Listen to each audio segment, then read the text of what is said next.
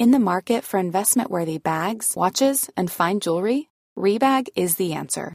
Rebag is a luxury resale platform where each piece is carefully inspected by experts to ensure quality and authenticity. Use Rebag to buy and sell finds from the world's top brands, including Louis Vuitton, Chanel, and Cartier. Head to Rebag.com to get 5% off your first purchase with code REBAGNEW. Shop today at Rebag.com. That's R E B A G.com. And use promo code REBAGNEW for 5% off your first purchase. Burrow's furniture is built for the way you live.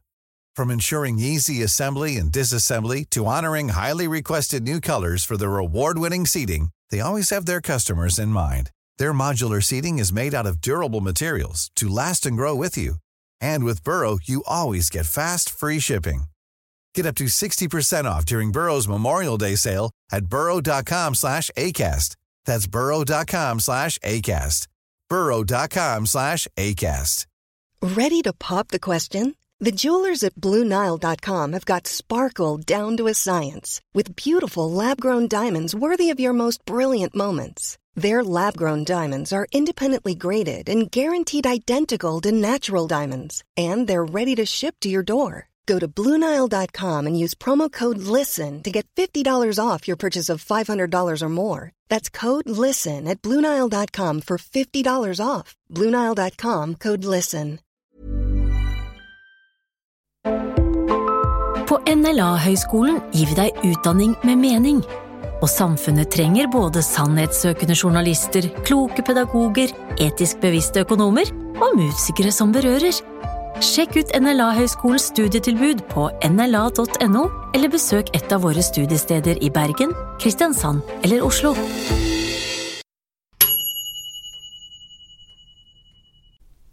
I Tore og Tarjei denne veka har vi besøk av Aud-Karin Kjølvik Ringvold.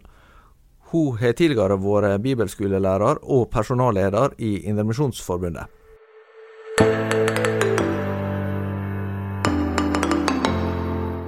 Velkommen til oss, Aud-Karin. Nå snakker vi med deg fra Flekkerøya, der du bor og jobber på Flekkerøy bedehus. Ja. Hvordan eh, er livet der nede nå i koronatida? Nei, Jeg tror livet her nede er nokså likt eh, sånn som det er andre plasser. Men uh, vi har iallfall veldig fint vær. Det er jo når først uh, vi har kommet i denne situasjonen som vi har kommet i, så er, er det mange av oss som har sagt det var godt det skjedde nå, ikke i november. Trygve Skau sa noe om det på P2 her på lørdag. Jeg tror det var at nettopp hvis dette hadde kommet 5.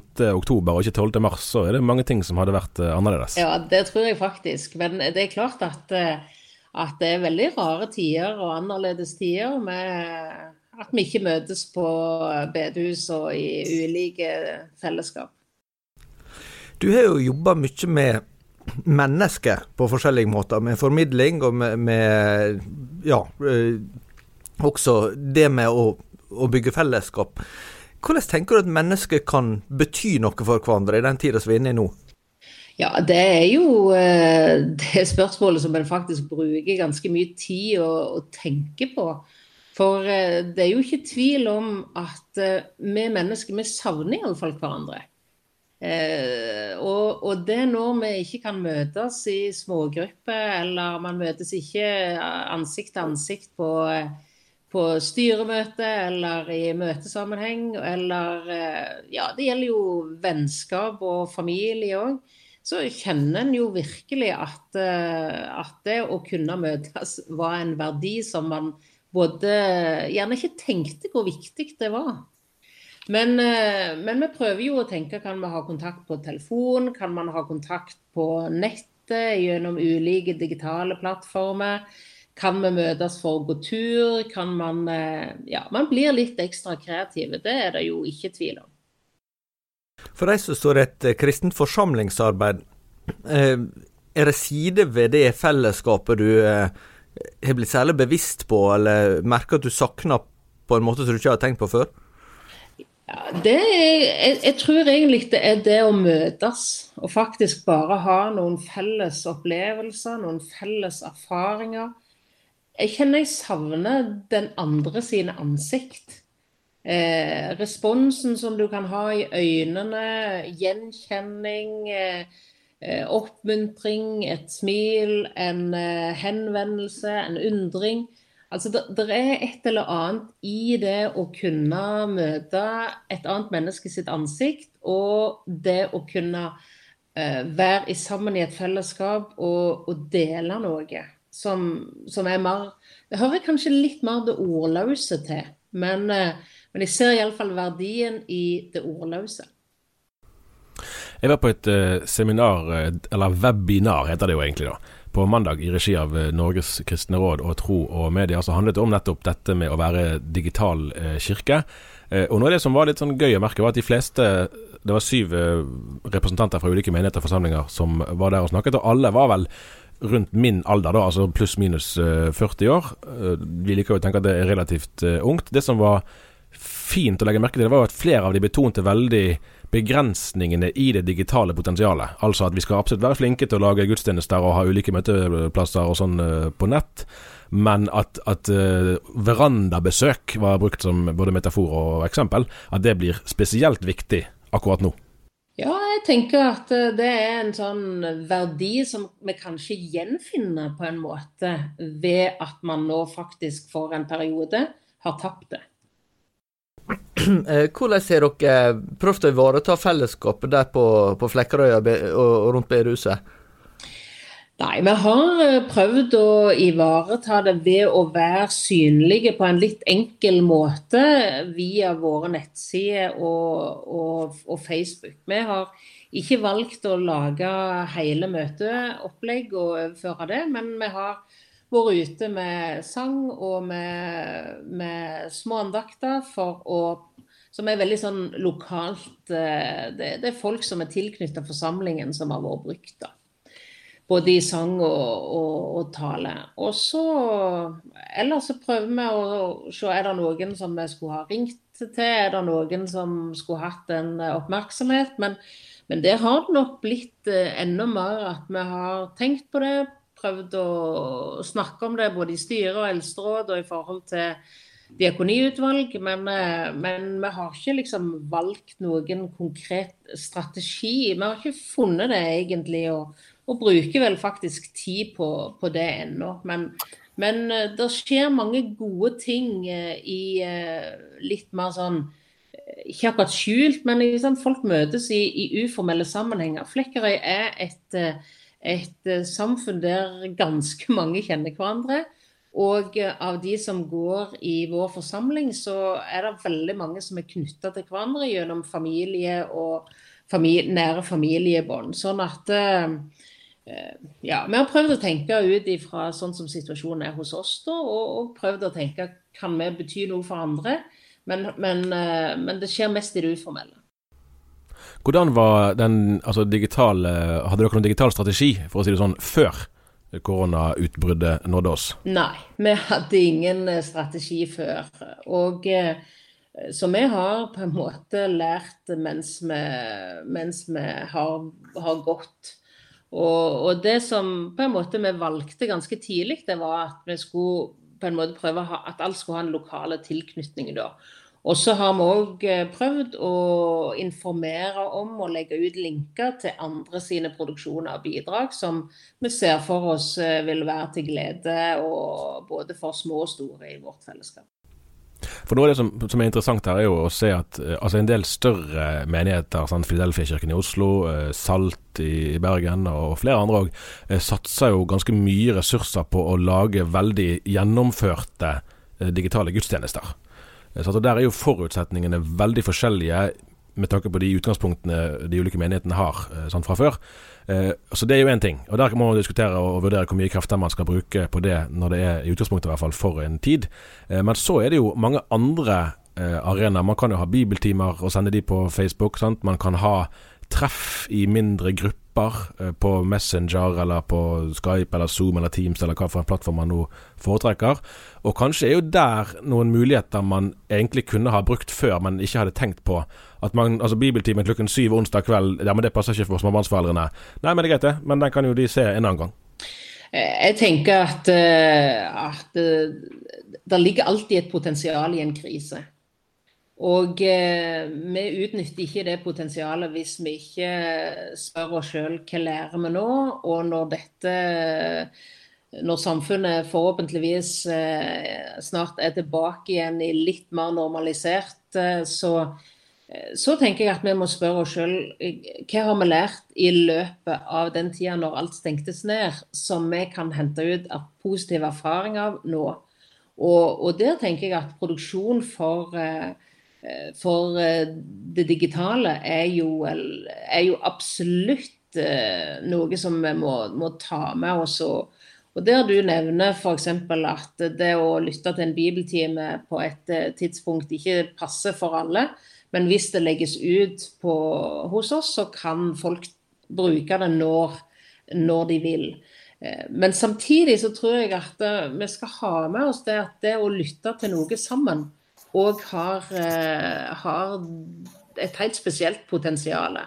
At det er ikke ganske det samme å være til stede i et fellesskap og lytte til noe sammen, og det å lytte til noe på eh, ørene eh, når en er på vei til jobb.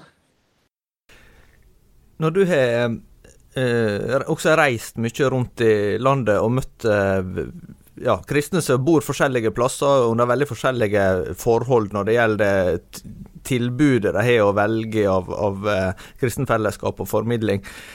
Tenker du det, det er noe nå som, som du særlig hva skal jeg blir særlig utfordrende for, for noen som kanskje ikke, ikke har så store ressurser rundt seg til vanlig?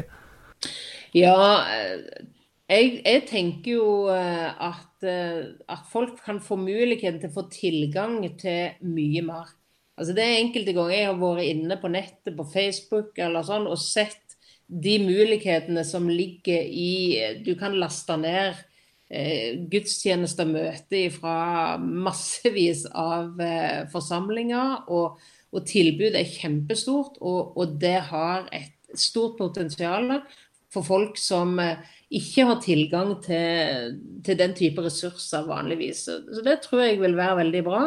Og samtidig så, så bommer vi litt hvis vi tror at alle eh, potensielle lyttere har Facebook eller har anledning til å bruke de digitale mediene. I alle fall hvis vi tenker en del av den voksnere befolkningen.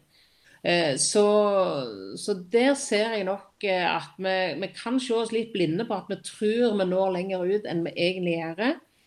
Og jeg tror òg at eh, en del av det vi sender, kan streve med å nå den litt yngre befolkningen, som, som har kanskje litt andre medievaner enn vi som er, er litt voksnere, og, og, kan leve med litt eh, lengre sekvenser av, eh, av samme tilbud. Jeg, jeg, tror nok at, at unge mennesker har et, et mediebruk som gjør at uh, vi kanskje må jobbe annerledes enn iallfall vi er i stand til å gjøre nå.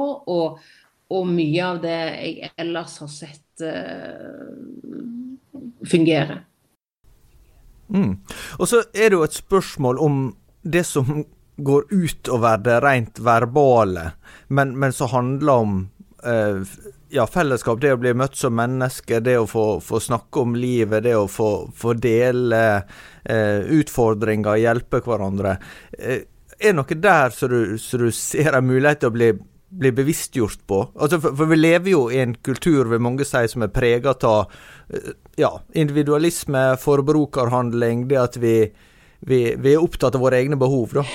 Ja, jeg, jeg, tror at det spørsmålet som du stiller er veldig viktig. Men jeg tror at en del av de erfaringene som vi gjør nå, må en kanskje få enda mer perspektiv i forhold til før man kan liksom hente ut erfaringen, hvis jeg kan si det på den måten.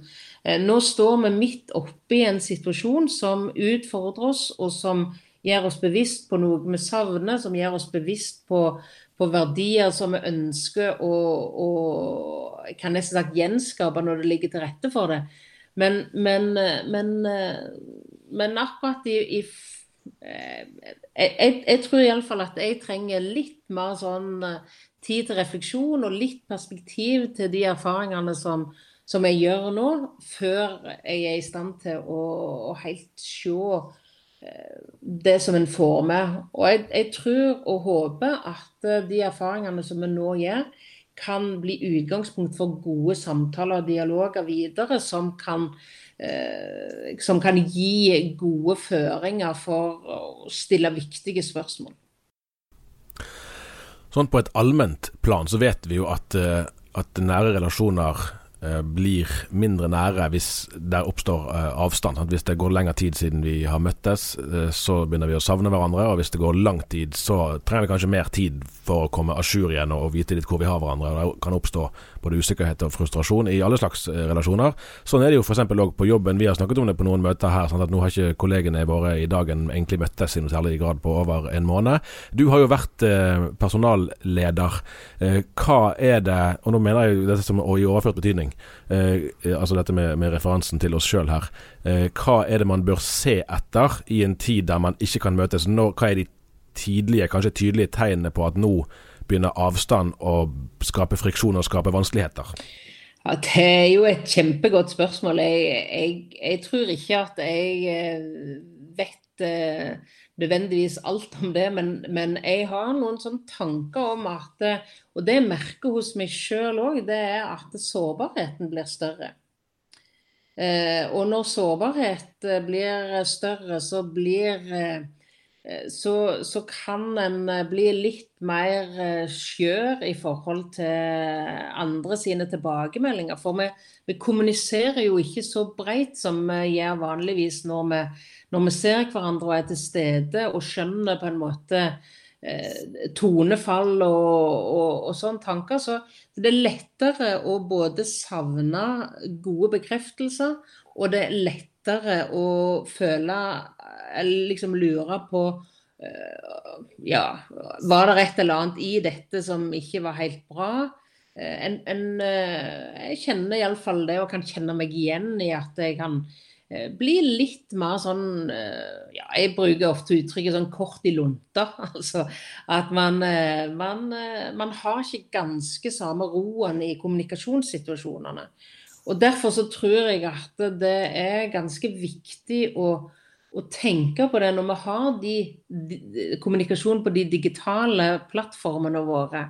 At vi faktisk eh, er ekstra opptatt av å bekrefte hverandre, ekstra opptatt av å, å på en måte ikke ta altfor mye for gitt i, i, forhold til at den andre skal forstå både hensikten med det jeg sier, og, og det jeg sier. Så jeg, jeg tror at det, å, det setter større krav til den verbale kommunikasjonen, rett og slett. Eh, sånn som jeg opplever det sjøl, da. Og så tror jeg at, eh, at, folk, eh, før man tenker, får en opplevelse av ensomhet. Altså, Mange av oss er heldige og har gode mennesker rundt oss som vi bor under felles tak med. Men allikevel så har vi behov for, for andre mennesker. Og, og, jeg tenker jo òg det som vi vet, ikke sant? Altså bare det å ha behov for berøring, ikke sant. Altså en klapp på skulderen, en klem. Altså det, det er ikke bare det er ikke bare for eh, barn som har behov for å, å, få de fysiske bekreftelsene og berøringene i en normal eh, omgangsform. Så, så, her er det, eh, er det ting som, ja, som jeg, jeg tror har stor betydning. Til slutt, er det ting som eh, Hvis folk, folk spør deg og syns det, er vanskelig å ivareta sitt eget gudsliv nå når en ikke er inne i de vanlige rutinene, eh, er det noen råd du gir til folk med, med tanke på det? Jeg har, vel, eh, jeg har vel, ikke ett råd, men, men, jeg tenker som så at når det gjelder det å ivareta og pleie sitt eget gudsliv, så tror jeg at vi er litt forskjellige. Eh, for noen så er, de, så er det å, å, lese det er en viktig del, og det kan man gjøre mer av. Både av Bibel, oppbyggelseslitteratur, andaktsbøker. Eh, jeg tenker at det å, å kunne, kunne se eh, gudstjenester og andakter osv. på nettet anbefaler jeg. Det å lytte til musikk. Og så vet folk litt sjøl hva de opplever er det de sjøl får mest ut av.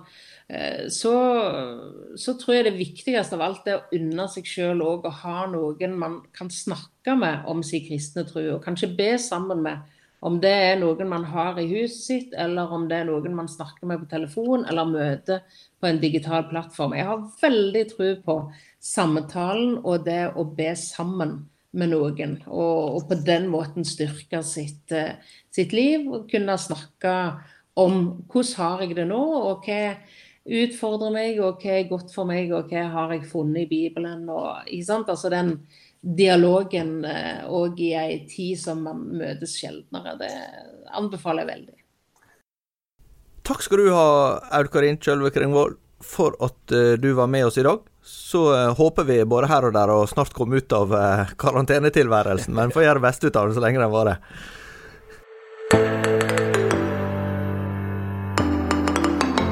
Et spørsmål som har meldt seg i det siste på en ny måte, er rett og slett eh, nattverd. Det har jo fulgt Den kristne kirke helt fra begynnelsen. Ehm, det er jo Jesus sjøl som innstifta nattverden. Vi leser om det i alle fire evangelier, men særlig eh, grundig egentlig Matteus. da. Men sjøl om utgangspunktet er felles, så er jo forståelsen av hva nattverd er for noe, utvikler seg i ganske ulike retninger i kristne kirkesamfunn. Og det kommer også til uttrykk med hva en, kan gjøre gjør nå. Vi var jo så vidt innom dette i forrige uke òg, men her er det jo mer å si, viser det seg. En ting er jo at, at de, den store forskjellen mellom de som har et, det som blir kalt for et sakramentalt syn på nattverden, og de som ser på nattverden som et minnemåltid, det har jo betydning for hvor kritisk det er å ikke kunne møtes. Hvis man ser på nattverden som et sakrament, så er jo det å kunne fysisk ta del i den en veldig viktig del av det åndelige livet. Mens hvis man ser på den som et minnemåltid, så er det jo man trenger ikke å minnes uh, hver uke, for å si det sånn. Uh, man husker lenger enn det. Uh, og I tillegg har man jo da gjerne òg et mer avslappet forhold til å ha nattverd hjemme, mens det er en, egentlig en, en selvmotsigelse. Eh, for de som har det som blir kalt for et mer høykirkelig syn. Altså at der er det viktig at det er, at det er en prest som forretter eller forvalter sakramentet, og at det skjer i menighetens felles samling. Her er det jo et spekter ifra eh, de som mener at eller, eh, sakramentet egentlig ikke betyr noe lenger, og, og strengt tatt ikke eh, tillegger noe vekt i det hele tatt. Noen finner innenfor, til dels innenfor Frelsesarmeen f.eks., og kvekerne tenker også sånn. Eh, til motsatt ytterlighet med, med katolikker og ortodokse som eh, het et, et nattverd Altså, der er egentlig nattverden som er, som er sentrum i Ja, Den er egentlig viktigere enn preken, kan ja, man vel si. Det, det kan, I lutherske sammenhenger så er det preken som regnes som det viktigste punktet. Eh, og, og, det avspeiler også hva en tenker at nattverden er for noe. For eh, sånn sett på spissen i, i en katolsk forståelse, så er jo det et, det en kaller et messeoffer. Altså en eh, slags uh, ublodig gjentakelse, ihukommelse, forskjellige ord en bruker. Da. Det har vært veldig mye diskusjon om mellom eh, katolske og eh, lutherske teologer, ikke minst hva, det innebærer. For Luther tok et veldig sterkt oppgjør med det. Den, den uenigheten er vel egentlig ikke helt avklart? Den altså, er ikke løst. Og, det kom jo en rettferdiggjørelseserklæring i 1999 vel, der man liksom har kommet ganske nærmt hverandre på protestantisk og katolsk side når det gjelder hva som må til for at et menneske kan bli frelst. Men når det gjelder nattverdslæren, så er man vel egentlig ikke kommet til en helt felles eh, forståelse fremdeles. Nei, altså kritikerne vil jo mene at en i spørsmålet om rettferdiggjørelseslæra eh, ble enige fordi en det eh, hva jo begrepene mindre presise. Ja. men, men når det gjelder nattverd, så, så består jo uenigheten ganske tydelig. For katolikker er det ikke aktuelt med felles nattverd. Eh, heller, sånn, heller, ikke for ortodokse? Nei, altså de kan være litt mer fleksible på det, jeg har forstått. Men, men, eh, men uh, i utgangspunktet er det det samme der, at en, en feirer bare med de som, som tilhører samme, samme kirkesamfunn. Ja, det handler jo om at man ser det i en kontekst, sant? at det hører hjemme i en annen sammenheng. Ja, så det er det en kaller uh, lukka nattverdbord. Mm. Eh, men vi skal jo ikke så langt tilbake i vår historie heller, før det at lutheranere og pinsevenner feira eh, nattverd i lag, var vanskelig mm. å tenke seg. Ja. Eh, og vi må huske at det, i Norge så var det faktisk lovpålagt å gå til nattverd fram til 1913. Eh, var det nordmann som skulle Det var vel andre lover politiet var mer opptatt av å håndheve enn den, men det er likevel sant? Det var det. Oppslutninga hadde falt ganske betydelig eh, utover slutten på 1800-tallet, men, men, det sier noe om, om på en måte makta som, som uh, statskirka hadde. Mm. Og det sier noe om uh, også den, uh, den kampen som frikirkelige og enkelte bedehusorganisasjoner har ført for å få større selvstendig ansvar. Så dette handler ikke bare om teologi, det handler også om en del kultur og sosiologi, da antagelig. Og så er det jo særlig en, en side der som jeg syns blir særlig interessant nå. For vi kan jo gå langt inn i, i kirkehistorien. sant, og, og, og, Martin Luther og Svingli og, og, mange før den tid, og hvorvidt dette er Kristi kropp, eller om det symboliserer, eller om det er et bilde på osv., og, så videre, og, og, forskjellige grader av det. Noe av det som, som jeg syns å se er en trend da, i vår tid, er jo at vi mange i Norge har jo en lavkirkelig, eller i hvert fall kaller man det for det, en lavkirkelig bakgrunn, enten i bedehus og frikirker, men òg mange i Den norske kirke vil kalle seg sjøl for, for, lavkirkelige. Eh, og, og, det har vært lagt stor vekt på det indre fromhetslivet. Sant? Pietismen har jo lagt mye vekt på det, at det handler ikke bare om ytre rammer, men òg om hjertets eh, tilslutning til det åndelige livet. Og da er jo sakramentene et slags motstykke, kan du si, til det. Fordi at der, altså man går til nattverd og man føler sånn eller sånn, og man i og for seg tenker sånn eller sånn i øyeblikket. Man går til nattverd og får ta imot Jesu legeme og blod, og sånn er det. Eh, og der er det jo en del som kommer fra gjerne mer lavkirkelige miljøer, som har funnet en, en slags sånn trøst eller en tilflukt i det at jeg vet nå ikke helt hva jeg tenker og tror om alle disse andre spørsmålene som jeg skulle mene sånn og sånn om, men jeg kan gå til nattverd. Ja, og så vil da eh, en fra motsatt side være eh, eh innenfor vekkelsesbevegelsen ikke minst være eh, advare mot eh, en sånn ytre Altså at en, at en holder seg til noe ytre hvis det indre Altså hjertet er ikke med, som en kanskje har sagt i, i vekkelsessammenheng eller misjonssammenheng. da, At, uh, at den eh, sakramenter kan bli en slags sovepute. Det har vært en sånn advarsel som, som gjerne har har blitt, eh, blitt eh, holdt fram. Da. Så, så her er det en sånn, sånn spenning som, som, egentlig ganske, har gått ganske djupt, og, og handler om mange forskjellige ting. Eh, men noe av det som jeg syns er, er veldig interessant med det som skjer nå, er at det teologiske spørsmål som mange kanskje har slutta å tenke så nøye over, plutselig blir aktualisert igjen, fordi du kommer i en unntakssituasjon. Jeg har jo vært i kontakt med folk som, som, har en mer frikirkelig bakgrunn, som er veldig overraska over at det finnes lutheranere som mener at det trengs en prest for å forvalte nattverd. At det var helt sånn øh, ja, vanskelig å forestille seg at det skal være en problemstilling. Og Det der vil jeg mene er et av eksemplene på altså det er et gode at det skjer en sånn bevisstgjøring. For Du sa vel det på et møte her at det er mange lutheranere som ikke har et luthersk syn på nattverden? Ja, det, det, tror jeg egentlig at det er. Eh, det er for, for Luther var det jo veldig viktig at dette her er Jesu legeme og blod, men det er samtidig brød og vin. Altså Luther mm, var jo ja, i sin teologi ja. veldig paradoksal. Og Der vil jo, vil jo eh, samvittighetsfulle våkne kristne komme til dels til ulike slutninger. Men jeg vil i hvert fall mene, og det gjelder òg i, i dåpsspørsmål, at man kan ha respekt for at folk kommer til ulik overbevisning, men likegyldighet er sjelden, eller aldri egentlig, et gode. Da. og Sånn sett har vi vel snakket om det, at det er en del sånne samtaler som tidligere var i overkant nerdete, som nå blir eh, litt mer aktuelle. Eller som føles i hvert fall mer aktuelle for flere, i og med at omstendighetene er sånn som de er. Ja. Og ikke minst for sånne som oss, så er det Vi har jo villet snakke om dette i mange år, nå har vi endelig sjansen. endelig, kanskje litt gehør. Men eh, nei, jeg tenker det kan være, det kan være sunt. da. Så, så, ligger det jo naturligvis i all kirkehistorie eh, en sånn ettertanke, særlig for oss som, som lever i en, en, en, situasjon der mange er helt uh, likegyldige til det som, som uh, handler om kirke og kristendom, så, så, så kan en alltid lure på hvor uh, spissfindige debatter kristne skal gi seg inn på og bruke tid og krefter på. Samtidig så er det noen debatter som er ganske viktige, fordi de tar opp i seg veldig mye hva, hva kristen tror egentlig handler om.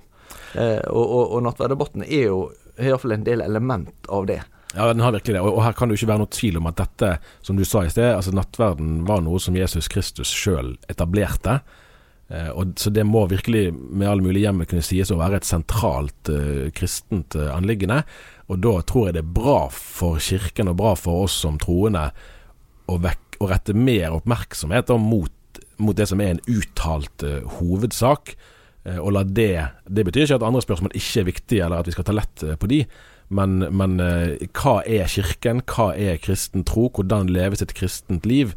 Det er jo vesentlige spørsmål, og det har vi godt av å bli utfordret på å tenke gjennom. Er, er det fakt, altså Står våre prioriteringer i samsvar med det vi tror er det viktigste? Ja.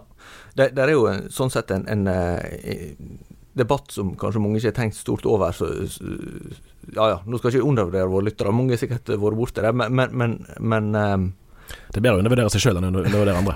Nettopp. Folk har nok tenkt mer på dette her enn jeg, jeg tror.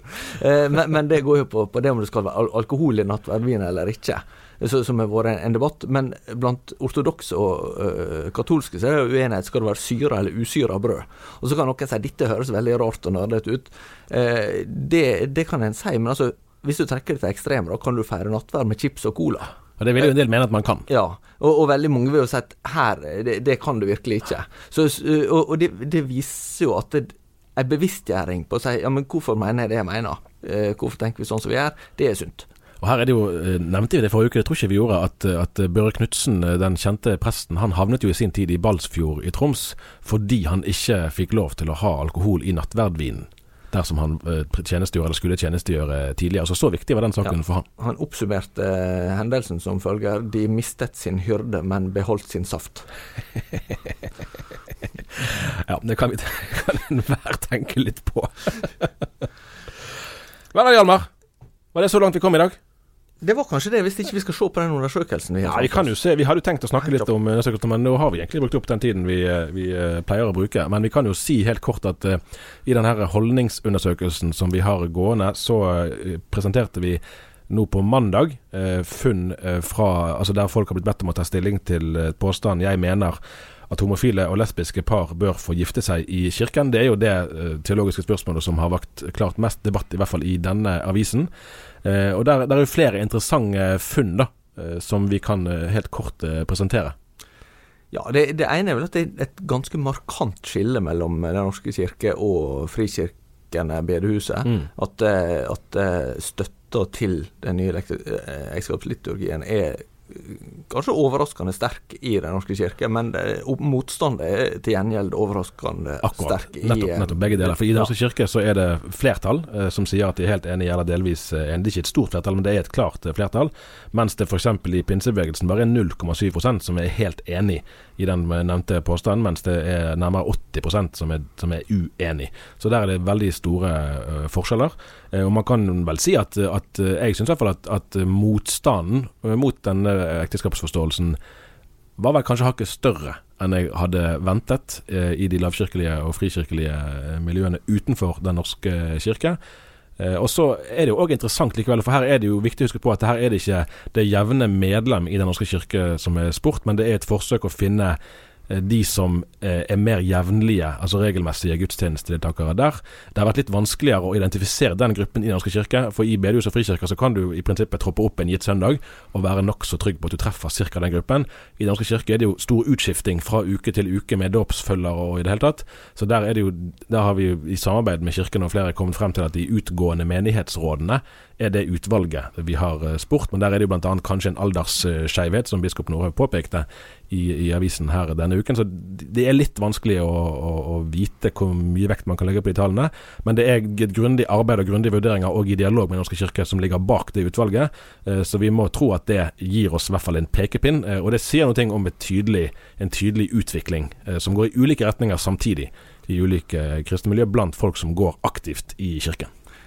Her kommer det flere tall om flere spørsmål eh, framover eh, vår og eh, sommer, så det skal vi komme tilbake til etter hvert. Ja, vi er tilbake neste uke. Takk for nå.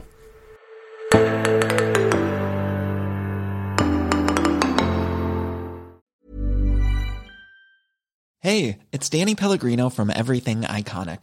Ready to upgrade your style game without blowing your budget? Check out Quince. They've got all the good stuff shirts and polos, activewear, and fine leather goods, all at 50 to 80% less than other high end brands. And the best part? They're all about safe, ethical, and responsible manufacturing. Get that luxury vibe without the luxury price tag. Hit up quince.com slash upgrade for free shipping and 365 day returns on your next order. That's quince.com slash upgrade. Hi, I'm Daniel, founder of Pretty Litter. Did you know cats tend to hide symptoms of sickness and pain? I learned this the hard way after losing my cat, Gingy. So I created Pretty Litter, a health monitoring litter that helps detect early signs of illness by changing colors, saving you money and potentially your cat's life. Pretty Litter is veterinarian developed, and it's the easiest way to keep tabs on your fur baby's health right at home. Go to prettylitter.com and use code ACAST for 20% off your first order and a free cat toy. Terms and conditions apply. See site for details. When you make decisions for your company, you look for the no brainers. If you have a lot of mailing to do, stamps.com is the ultimate no brainer. Use the stamps.com mobile app to mail everything you need to keep your business running with up to 89% off USPS and UPS. Make the same no-brainer decision as over 1 million other businesses with stamps.com. Use code program for a special offer. That's stamps.com, code program.